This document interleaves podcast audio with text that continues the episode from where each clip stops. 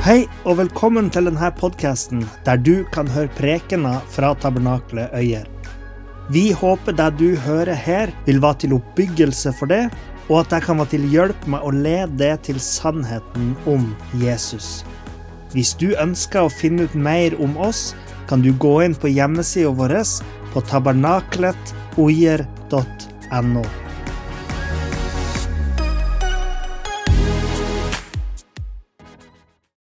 Det har jo brutt ut krig, da, igjen i Midtøsten.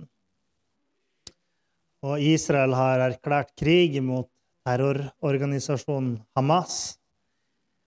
Og um, i tillegg så er det jo noen som frykter at dette kan spre seg og bli en, en større krig, en storkrig i Midtøsten.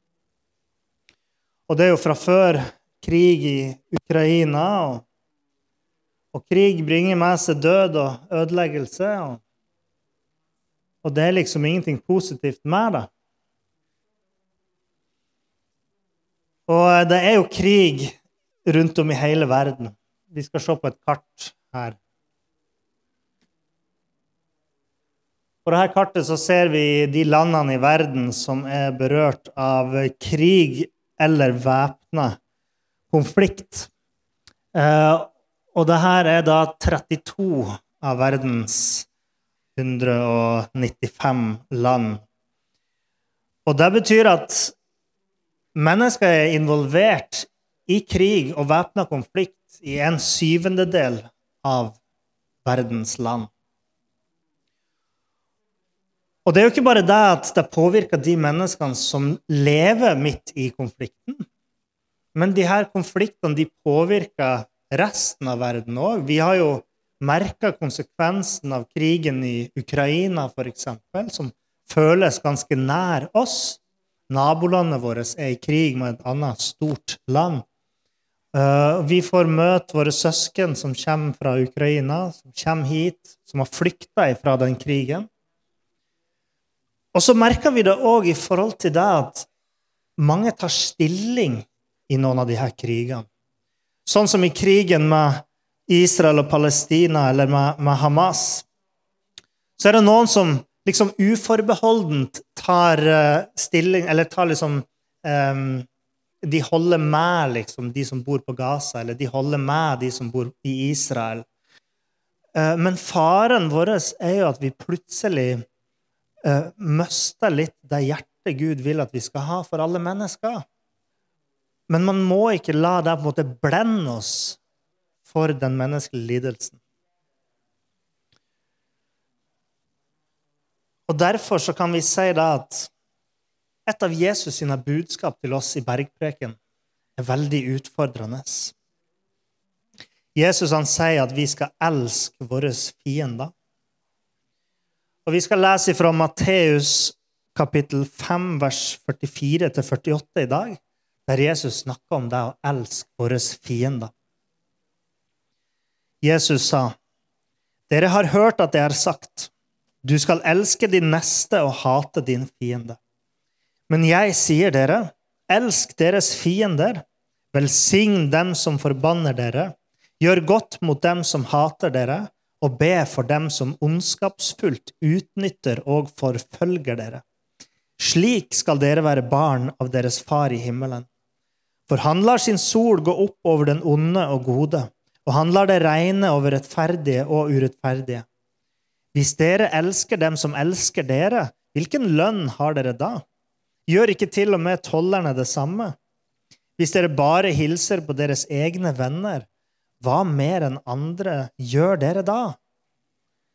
Gjør ikke til og med tollerne det samme? Derfor skal dere være fullkomne som deres far i himmelen er fullkommen. Lukas skriver også om de her utsagnene til Jesus, og han skriver i kapittel 6, vers 35. Elsk deres fiender, gjør godt og lån bort uten å vente at dere skal få noe tilbake.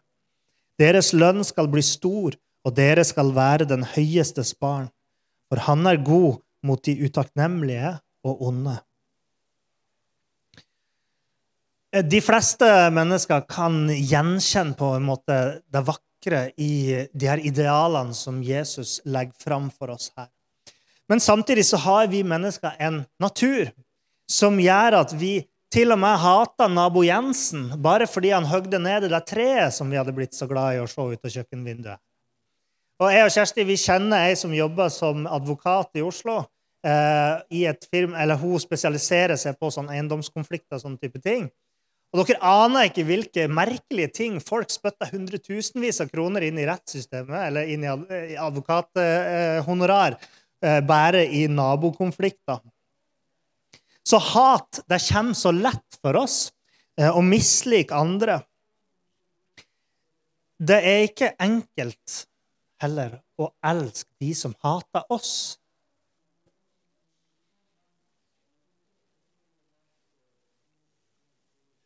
Når vi står i den konflikten, eh, eller eh, når man har den konflikten i Ukraina,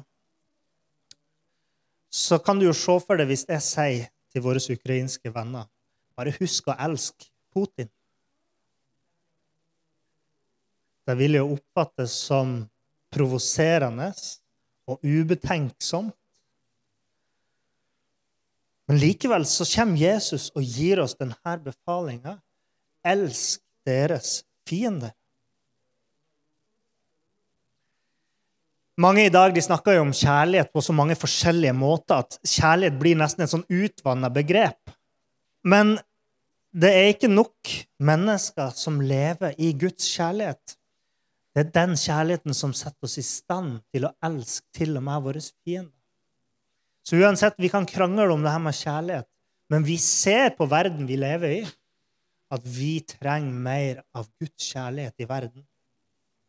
Så la oss se nærmere på hva Jesus sier. Og vi kan begynne å se på det han sier om hvem som er våre fiender. Jesus han bruker her noen eksempler på eh, ting som eh, mennesker gjør imot det, som gjør de til dine fiender. Dine fiender er for det første de som forbanner det. Jesus sa, 'Velsign dem som forbanner deg'. Og det her er jo personer som ønsker onde ting for det.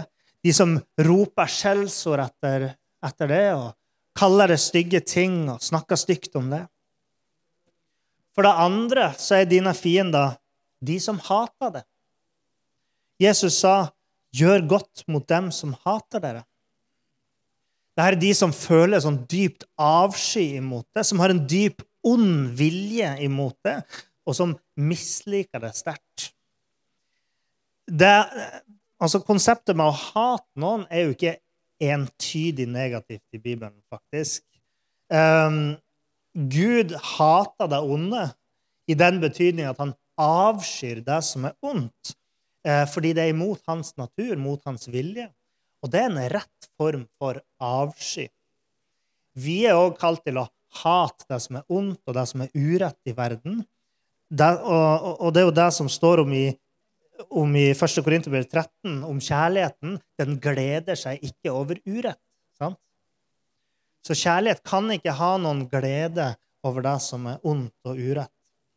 Men Jesus snakker jo nok her spesifikt om de som hater oss på en sånn måte som ikke er rett, altså hat som er ubegrunna, eller at det er et hat som har onde hensikter og onde motivasjoner. De er våre fiender.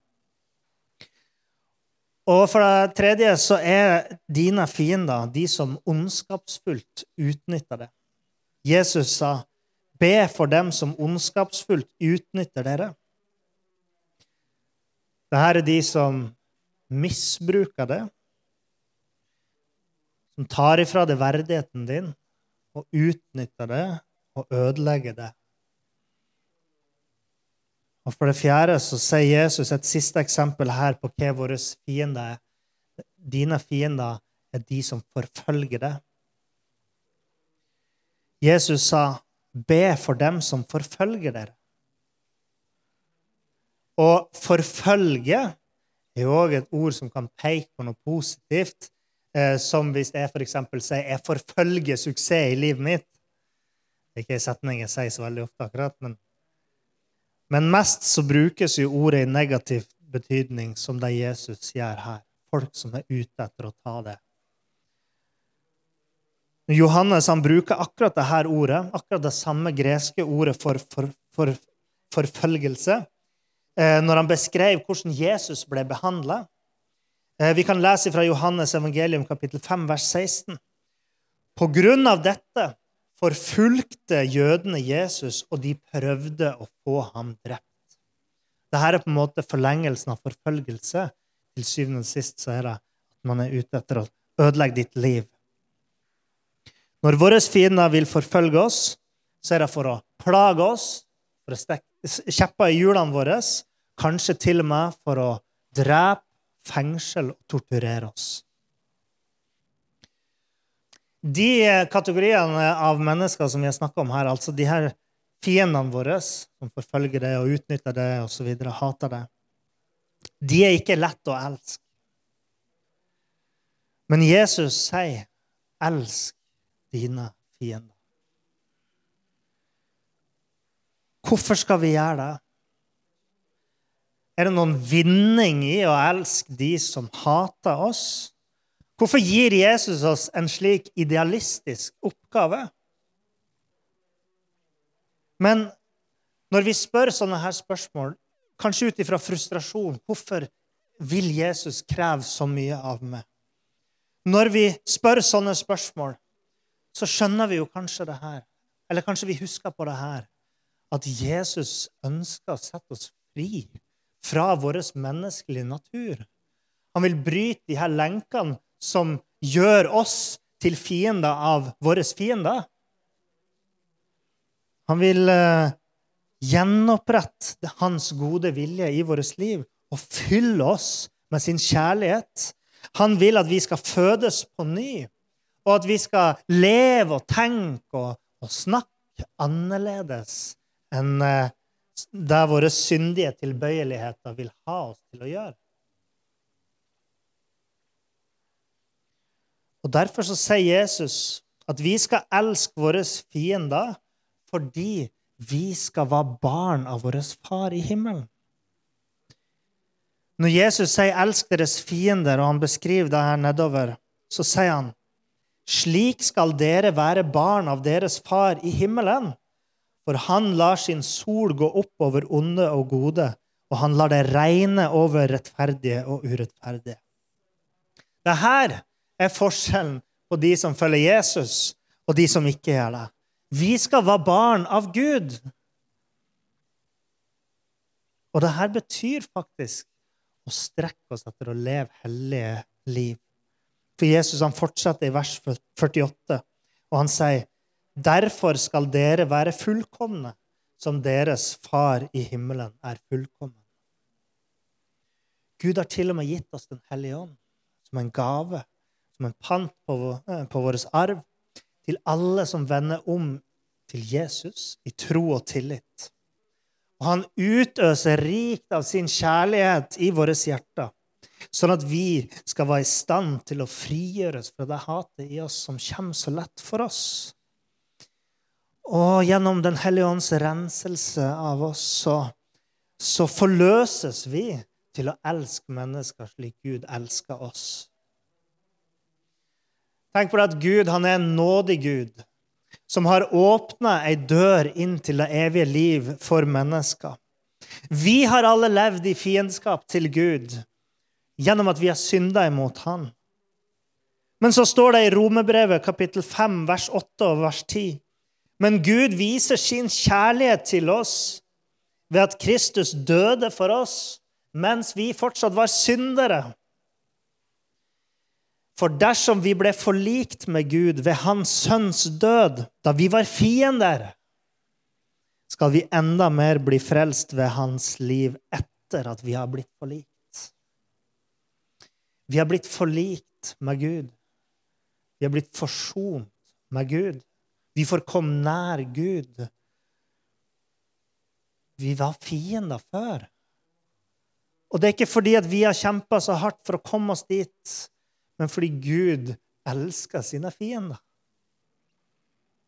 Så la oss ha det her samme sinnet som Guds barn, at vi elsker våre fiender. Jesus sier òg at vi skal elske våre fiender fordi vi skal være annerledes enn synderne. Jesus sa i Matteus kapittel 5, vers 46 i denne talen eh, han holder om å elske sine fiender. Hvis dere elsker dem som elsker dere, hvilken lønn har dere da? Gjør ikke til og med tollerne det samme?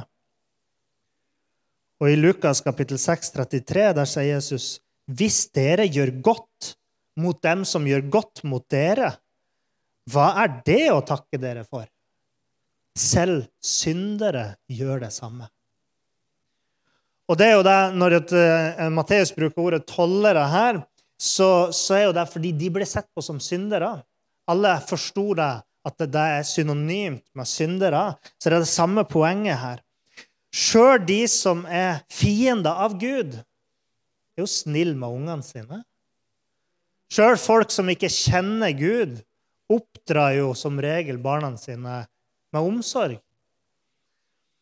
Men Jesus løfter det her høyere, og han sier til oss vi skal ikke være som synderne, de som ikke kjenner Gud. Vi er barn av Gud, og vi skal strekke oss enda lenger. Vi løfter våre hender til vår himmelske Far og ber om gaver til å utrustes som hans barn. Og det gjør oss annerledes enn synderne. Derfor så sier Jesus, 'Elsk deres fiende'. Vi er ikke meint å være som alle de andre. Vi er meint til å være annerledes. Og Jeg vil legge til en, en, ting her som Jesus ikke sa i denne sammenhengen, men som står i Romerbrevet kapittel 12. Og det er at vi skal elske våre fiender fordi vi skal overvinne det onde med det gode. Det står i Rombrevet kapittel 12, ja, vers 18-21. Hvis det er mulig, og så langt det står til dere, skal dere leve fredelig med alle mennesker. Dere kjære, ta ikke hevn selv, men gi heller rom for vreden. For det står skrevet, hevnen er min, jeg vil gjengjelde, sier Herren. Derfor, hvis din fiende er sulten, gi ham mat. Hvis han er tørst, gi ham å drikke. For ved å gjøre det samler du glødende kull på hodet hans. Bli ikke overvunnet av det onde, men overvinn det onde med det gode. Amen. Eh, å samle glødende kull på hodet til folk det, Jeg har gjort det et par ganger, men det er jo ikke så ofte vi gjør det. Nei, jeg tuller. Det kan, bety, det kan bety litt forskjellige ting, men uansett så er budskapet noe sånt som at de som får det her glødende kullet liksom på hodet sitt, Eh, de blir plaga av en dårlig samvittighet fordi de gjorde noe imot oss når vi gjorde godt imot dem. Det er noe med tankene deres som, som, som, eh, på en måte Ja, man kan si plager de, eller gjør noe i de, forandrer de på en måte. Og på den måten så kan vi si at kanskje kommer de et steg nærmere en omvendelse når vi møter deres ondskap med godhet. Og eh, for vår del så er jo poenget at vi skal ikke bli overvunnet av det onde.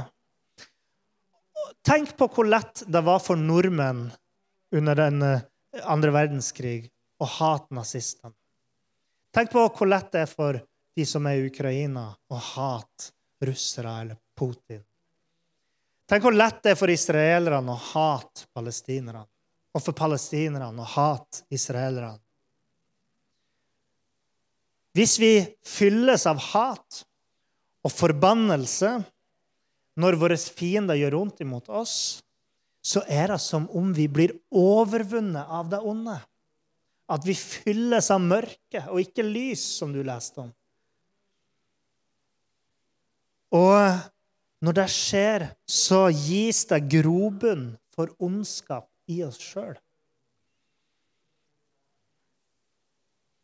Det betyr ikke at vi ikke kan forstå partene i en konflikt, i en krig f.eks. Eh, nazistene som inntok Norge, var definitivt fiender av staten Norge. Men Jesu budskap handler om hvordan jeg og du som individ og, og som menighet skal eh, respondere på andre mennesker sitt, eh, sin fiendskap imot oss. Så jeg skal ikke gå inn på stor, eh, storpolitikken her, men det her handler om mitt liv og ditt liv. Hvordan vi er kalt til å leve livene våre. Sånn at ja, Menigheten er jo ikke en statsmakt. ikke sant? Oppgaven vår er ikke å på en måte ta kontroll over, over Norge eller å, å styre, styre, staten eller ta hevn som skaper oppreisning og rettferdighet i samfunnet og den type ting, med sverd og med våpen. Eh, det der er en annen diskusjon. Men vår kamp er jo, som Bibelen sier, en åndelig kamp. Ikke mot kjøtt og blod. Og En del av denne åndelige kampen er å alltid overgi seg til Den hellige ånds vilje. Til den stemmen som taler til våre hjerter, som taler kjærlighet og godhet inn i våre hjerter. Det er den der stemmen som Når du tenker 'nå skal han jammen få', så er det den stemmen som får deg til å ombestemme deg. Det er mange sikkert her som har opplevd det. At man tenker 'nå er det nok'. Men så har du Den hellige ånd som sier mm -mm. Den tanken legger du bort. Å elske våre fiender er å ta Åndens ord til oss, slik at vi beseirer det onde. Så hva er noen måter vi gjør det her på? Hvordan elsker vi våre fiender? Hvordan ser det ut? Vel, Jesus sier at vi for det første gjør det ved at vi velsigner våre fiender. Jesus sa, 'Velsign de som forbanner dere'. Og Paulus gjentok det her i Romebrevet kapittel 12, vers 14. Velsign dem som forfølger dere. Velsign og forbann ikke. En velsignelse er akkurat det motsatte av en forbannelse. Eh, og jeg sa jo da at en forbannelse er å ønske onde ting over det. Så en velsignelse er å ønske gode ting over det. Og Ordboka nevnte det her som en parentes, at en velsignelse er et gammeltestamentlig formular som uttrykker ønske om Guds omsorg og nåde. Og så flott at ordboka har fått med seg det. Et eksempel på hvordan dette kan skje i vår tid, er at noen sier til det Hvis noen sier til det 'dra til helvete', så sier du det motsatte. Nei, dra til himmelen. Når noen sier, um, sier ting som 'Satan, ta det', så sier du 'Nei, Jesus, ta det'. At vi sier det motsatte. Det er der, Når vi velsigner noen, så er det som vi tar den motsatte holdninga. Og vi ønsker godt for deres liv.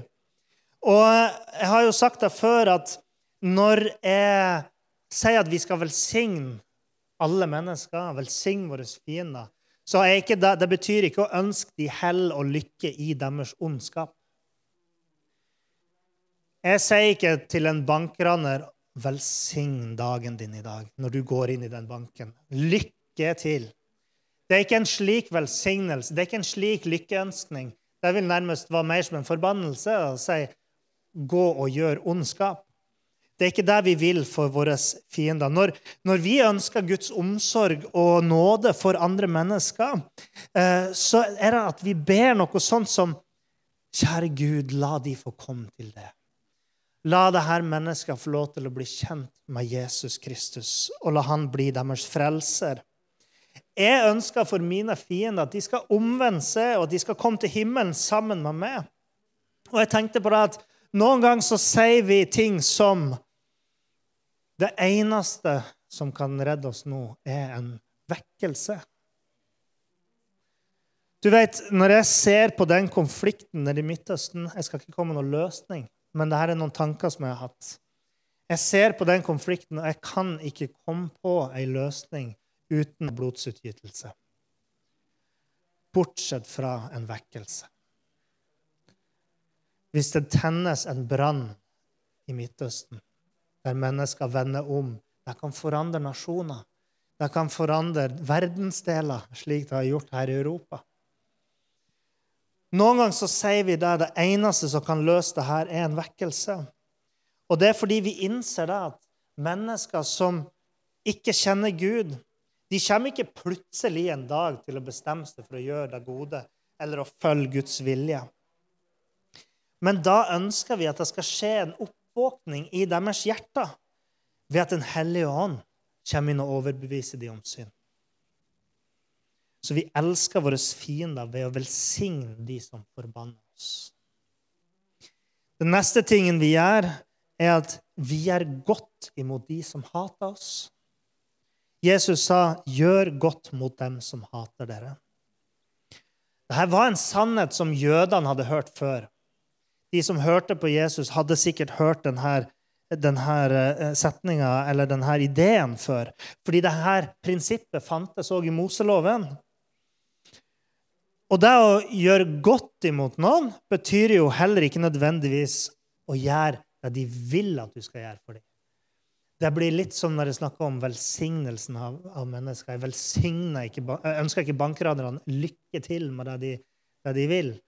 Og det å gjøre godt imot noen Så, så det å ja, hvis, de, hvis, hvis det som de ser på som godt, er å gjøre ondskap, så skal du ikke gjøre det. Men å gjøre godt imot de som hater det, det er å gjøre det som er rett imot de, det som Bibelen omtaler som godt.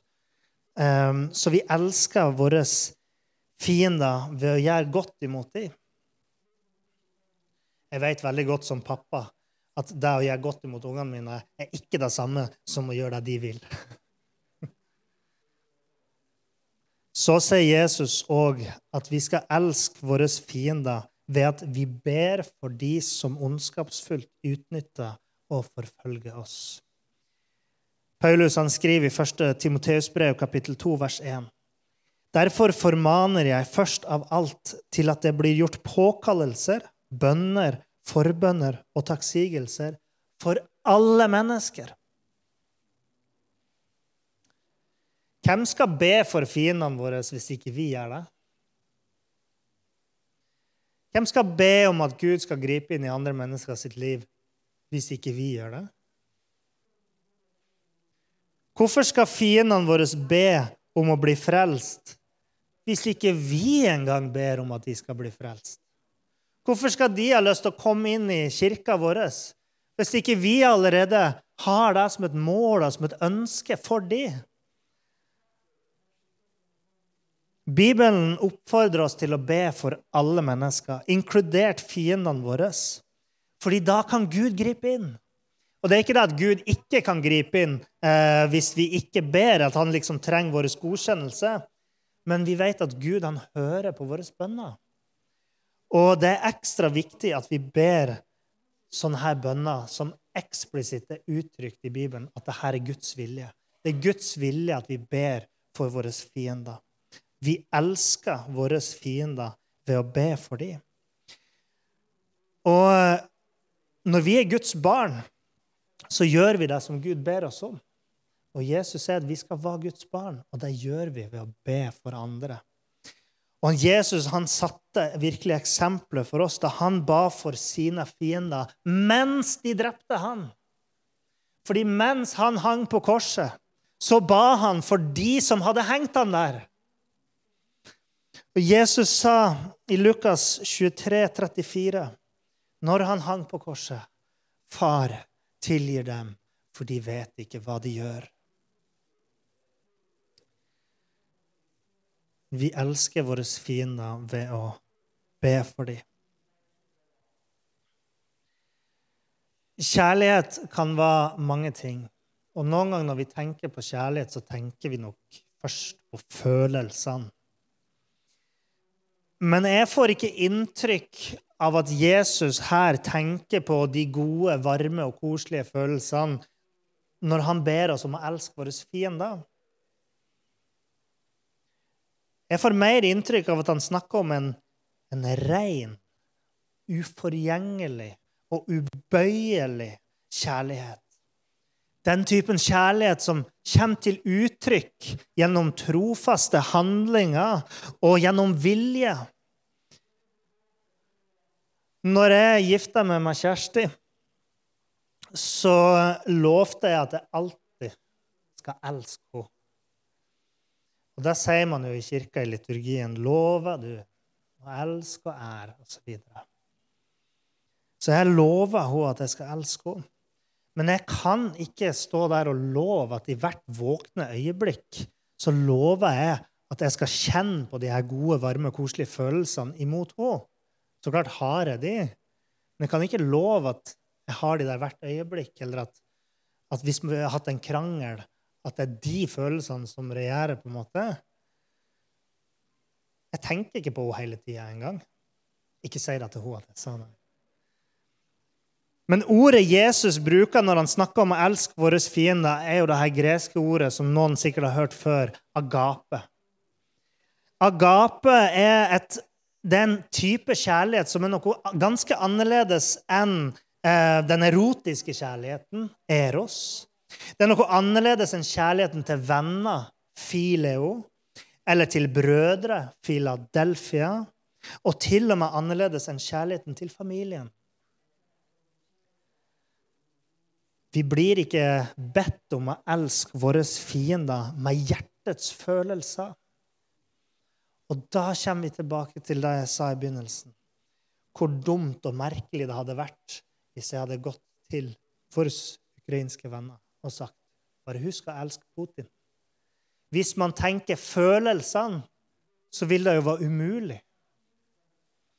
Jeg så en video for noen år siden, en veldig sterk film fra en, en rettssak borti USA imot en, en massemorder, seriemorder, som hadde voldtatt og drept masse jenter. Og foreldrene kommer på, på vitnebenken og får lov til å liksom si sine tanker til denne personen. Alle fordømmer han. Alle hater han av hele sitt hjerte og ønsker han velkommen til helvete. Helt til en far kommer opp på talerstolen og han sier, 'Jeg tilgir dem'. Jeg har en herre som heter Jesus. Han har befalt meg om å tilgi. Denne seriemorderen, iskald psykopat han, Du kunne ikke se ei mine på ansiktet hans på alle de som kasta forbannelser over hans liv. Men da det kom en mann på talerstolen og sa 'Jeg tilgir det', så brøt han sammen. Det er kraften som ligger i kjærligheten og i tilgivelsen. Men jeg tror ikke denne faren hadde varme, gode, koselige følelser til denne seriemorderen. Jeg tror ikke han hadde tillit til seriemorderen. Han hadde ikke vennskap til seriemorderen. Men han viste en kjærlighet gjennom en beinhard trofasthet og vilje til å gjøre det Jesus har befalt ham om. Hvilket forbilde. Vi blir ikke bedt om å elske våre fiender med hjertets følelser. Men vi oppfordres til å elske dem med Guds kjærlighet, agape. Den typen kjærlighet som Paulus skriver om i 1. Korinterbrev 13,4-7, som snart har blitt en klisjé fordi folk ser ikke helheten. Men der skriver Paulus kjærligheten er tålmodig, den er vennlig. Kjærligheten er ikke misunnelig. Kjærligheten skryter ikke, er ikke oppblåst. Den oppfører seg ikke umoralsk, søker ikke sitt eget, lar seg ikke opphisse, tenker ikke ut noe godt, ondt. Den gleder seg ikke over urett, men gleder seg i sannheten. Den tåler alt, tror alt, håper alt, utholder alt. Ser dere hvordan Guds kjærlighet er en vilje til det gode? Som stammer ifra Guds kjærlige og gode vilje. Så mange av de her tingene her er ikke ting vi føler, men ting vi gjør. Den gjør alle de tingene som Paulus beskriver her. Den bryter igjennom følelsene våre. Og den sprenger grensene for hva vi tror vi er i stand til. Og denne kjærligheten vil da løfte oss gjennom hatet gjennom ønsket om hevn og ødeleggelse og inn til freden, til forsoninga, inn i gleden. Jeg vet ikke om noen har opplevd det, men jeg har opplevd å gå imot følelsene mine. Jeg føler uvilje mot denne personen, men jeg velger å gjøre godt. Og det er en sånn befrielse, der kjærligheten bryter igjennom og skaper godhet, fred og forsoning. Kan du virkelig elske fienden din? Jeg vil si nei. Men Gud kan. Gud kan. Så når vi hører Jesu ord om å elske våre fiender, så betyr det at vi bør vende oss til Gud, og vi bør be som kong David. Skap et rent hjerte i meg, Gud, og forny en stødig ånd i mitt indre. Skap et rent hjerte i meg, Gud. Det er svaret på så mye av problemene her i verden. At man fyller seg med kjærlighet. Og jeg følte at det var Ja, jeg følte at det ble lagt på hjertet mitt i dag at jeg skulle snakke om kjærligheten. Fordi vi trenger det, sånn at vi ikke blir partiske, og, og at vi blir blind for denne konflikten i Israel, f.eks., der der vi kanskje ikke kjenner så stor medfølelse for den ene sida, men bare for den andre, eller hvordan det der skal være. Men vi beskytter våre hjerter ved å fylle oss med denne kjærligheten til Gud.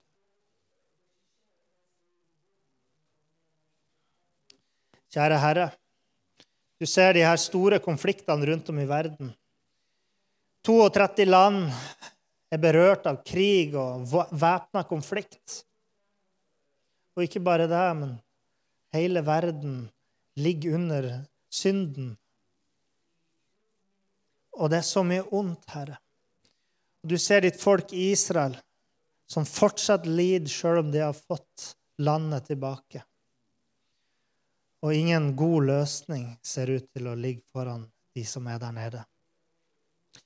Kjære Herre, jeg bare ber for vår skyld og for denne verden at vi skal få se mer av din kjærlighet at din Hellige Ånd, din Hellige Ånd skal fylle oss med kraft til å leve i kjærlighet. For vi trenger din kraft og din styrke, far, til å være dine barn her i verden. Vi trenger at du styrker vår vilje til å gjøre det som er rett. Å, kjære far, la din kjærlighet komme. Kjære Jesus. Takk for at du hørte på. Hvis du tok et steg i tro i dag, eller du har noe du ønsker forbønn for, så vil vi gjerne høre ifra det via e-postadressen kontakt alfakrølltabernaklet.oier.no. Du er òg velkommen til våre ukentlige gudstjenester i menighetslokalet i Haugskutua 5 26 36 Øyer.